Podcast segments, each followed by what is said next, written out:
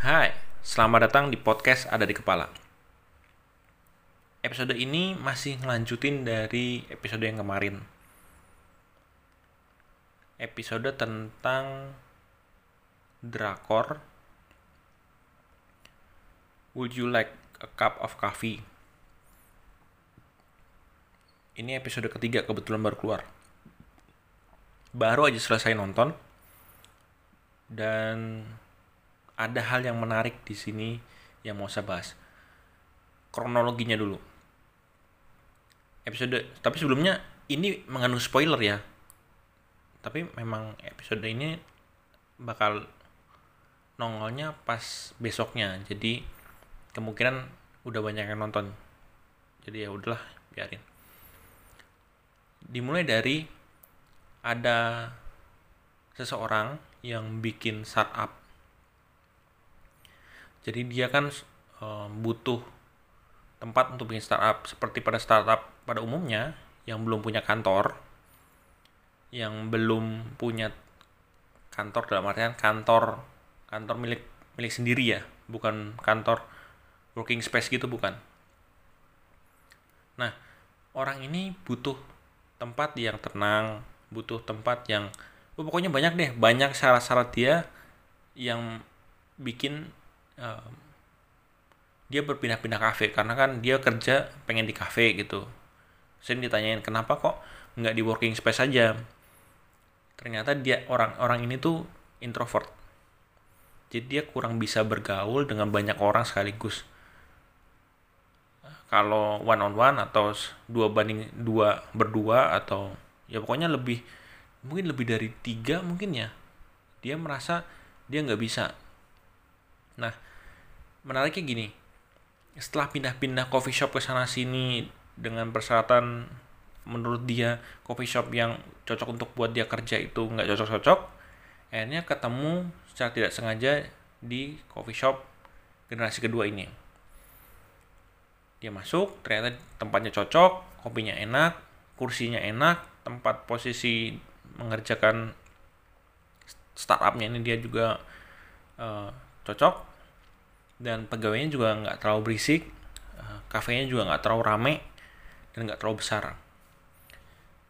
Nah singkat cerita dia menggunakan coffee shop generasi kedua ini sebagai kantor. Jadi uh, pemilik dari coffee shop ini namanya Pak Pak namanya.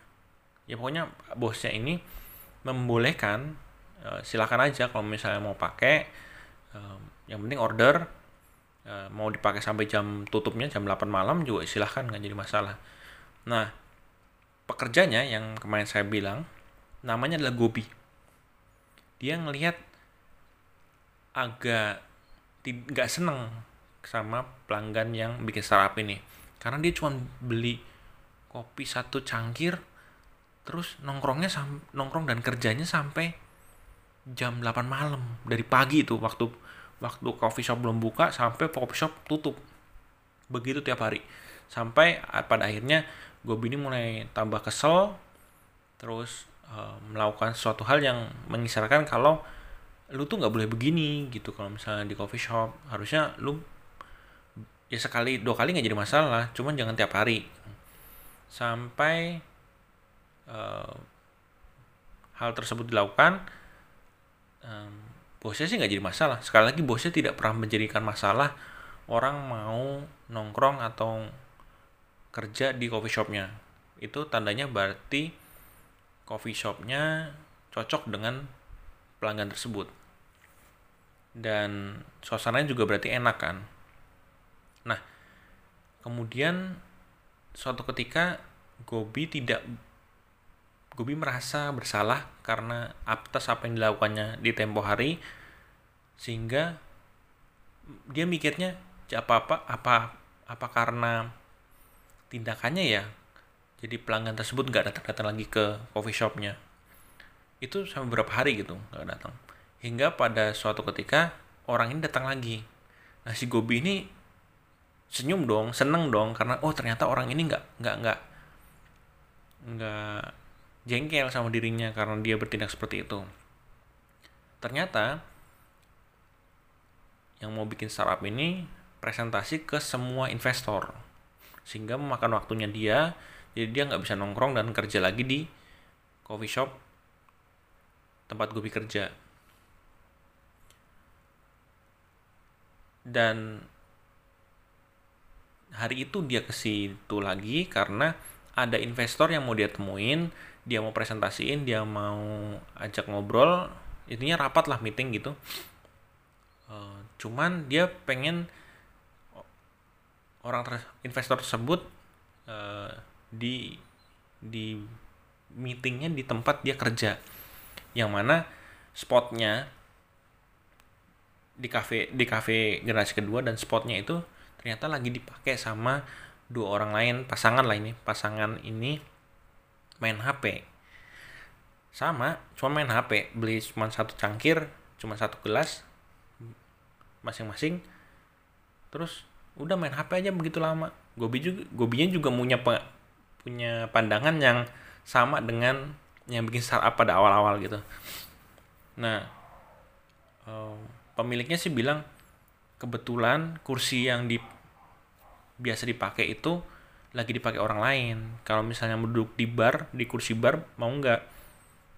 Um, si startup bilang si yang punya startup ini bilang gini katanya nggak mungkin kalau misalnya meeting di kursi bar karena saya pengen di kursi itu gitu.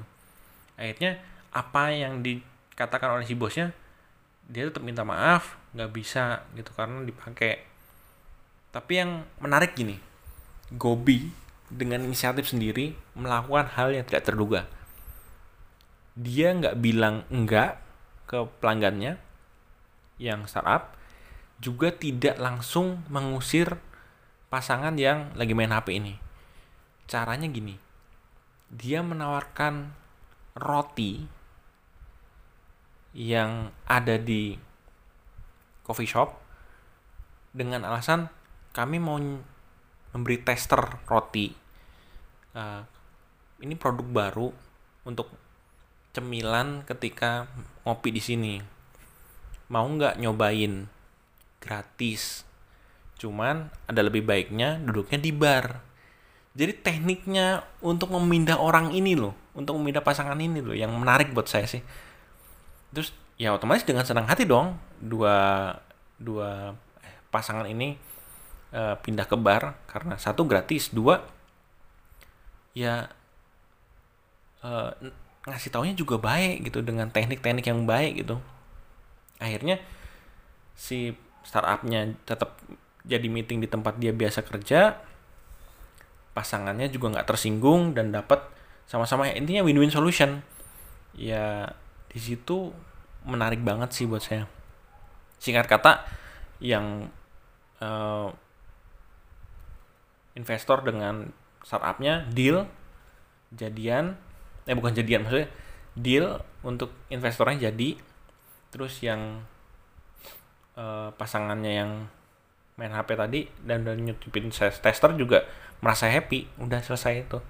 Nah uh, menariknya gini apa yang dikatakan oleh pemilik kafenya ini ke Gobi sebelum keesokan harinya ketika investor dan penggagas startup ini meeting. Dia mencontohkan Elephant House, cafe di Skotlandia, tempat di mana J.K. Rowling menulis Harry Potter. Simple banget ngasih taunya. Kalau Elephant House coffee shop itu, coffee itu, cafe itu tidak memberikan kesempatan J.K. Rowling untuk menulis, mungkin Harry Potter nggak akan pernah ada. Jadi situ benar-benar dalam sih bahwa kesempat kita ngasih kesempatan ke orang lain untuk berkembang mungkin suatu saat akan berbalik ke kita. Dan tahu nggak bener-bener berbalik loh untuk coffee shop itu? Investor yang deal itu ternyata merasa enak dengan dan cocok dengan kopi yang ada di coffee shop itu. Sehingga dia minta kartu nama dari coffee shop itu untuk minta disetorin biji kopi karena biji kopinya enak di kantornya dia. Karena kantornya dia pakai biji kopi yang nggak enak. Jadi dia pengen ganti jadinya satu kita ngasih kesempatan ke orang lain untuk berkembang. Dua mungkin dengan kita ngasih kesempatan ke orang lain kita baik ke orang lain mungkin rezeki kita atau mungkin kebaikan kita itu akan berbalik ke kita juga. Bisa dalam bentuk kayak coffee shop ini bisa juga mungkin dari hal gini sih kalau menurut saya kalau kita berbuat kebaikan ke, ke orang lain mungkin kita tidak langsung mendapatkan kebaikannya kebaikan kembali gitu. Tapi setidaknya kita sudah menjauhkan hal-hal yang buruk dari diri kita.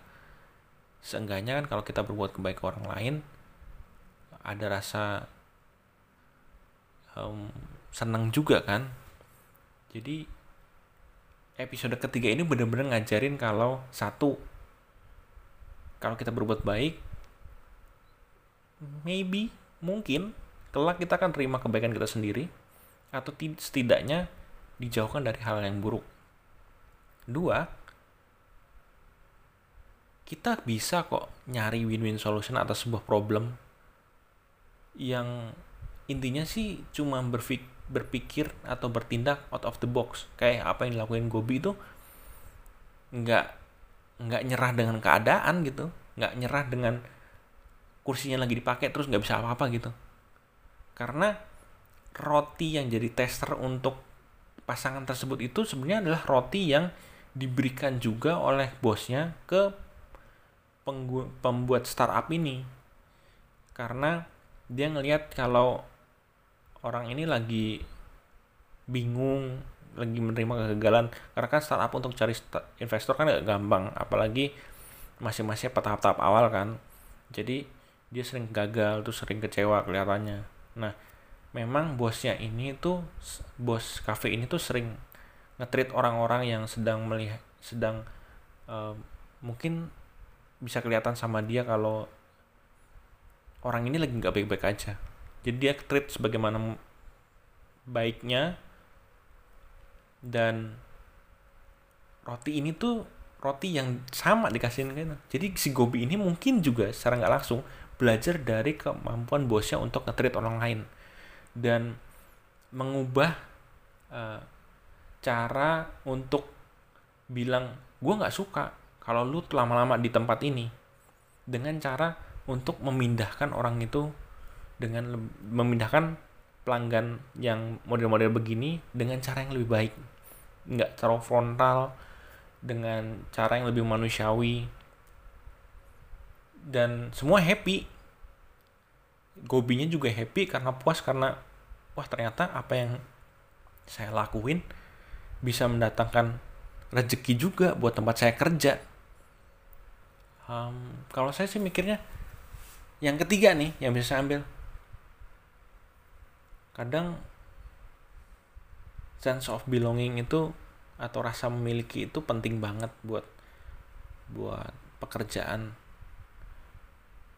Nggak ada yang lihat, mungkin nggak ada yang nggak ada yang lihat ketika kalian melakukan hal tersebut. Lakukan hal kecil kayak matiin lampu, nyapu atau ngebersihin um, meja atau um, kita ngelakuin kerjaan sampai tuntas.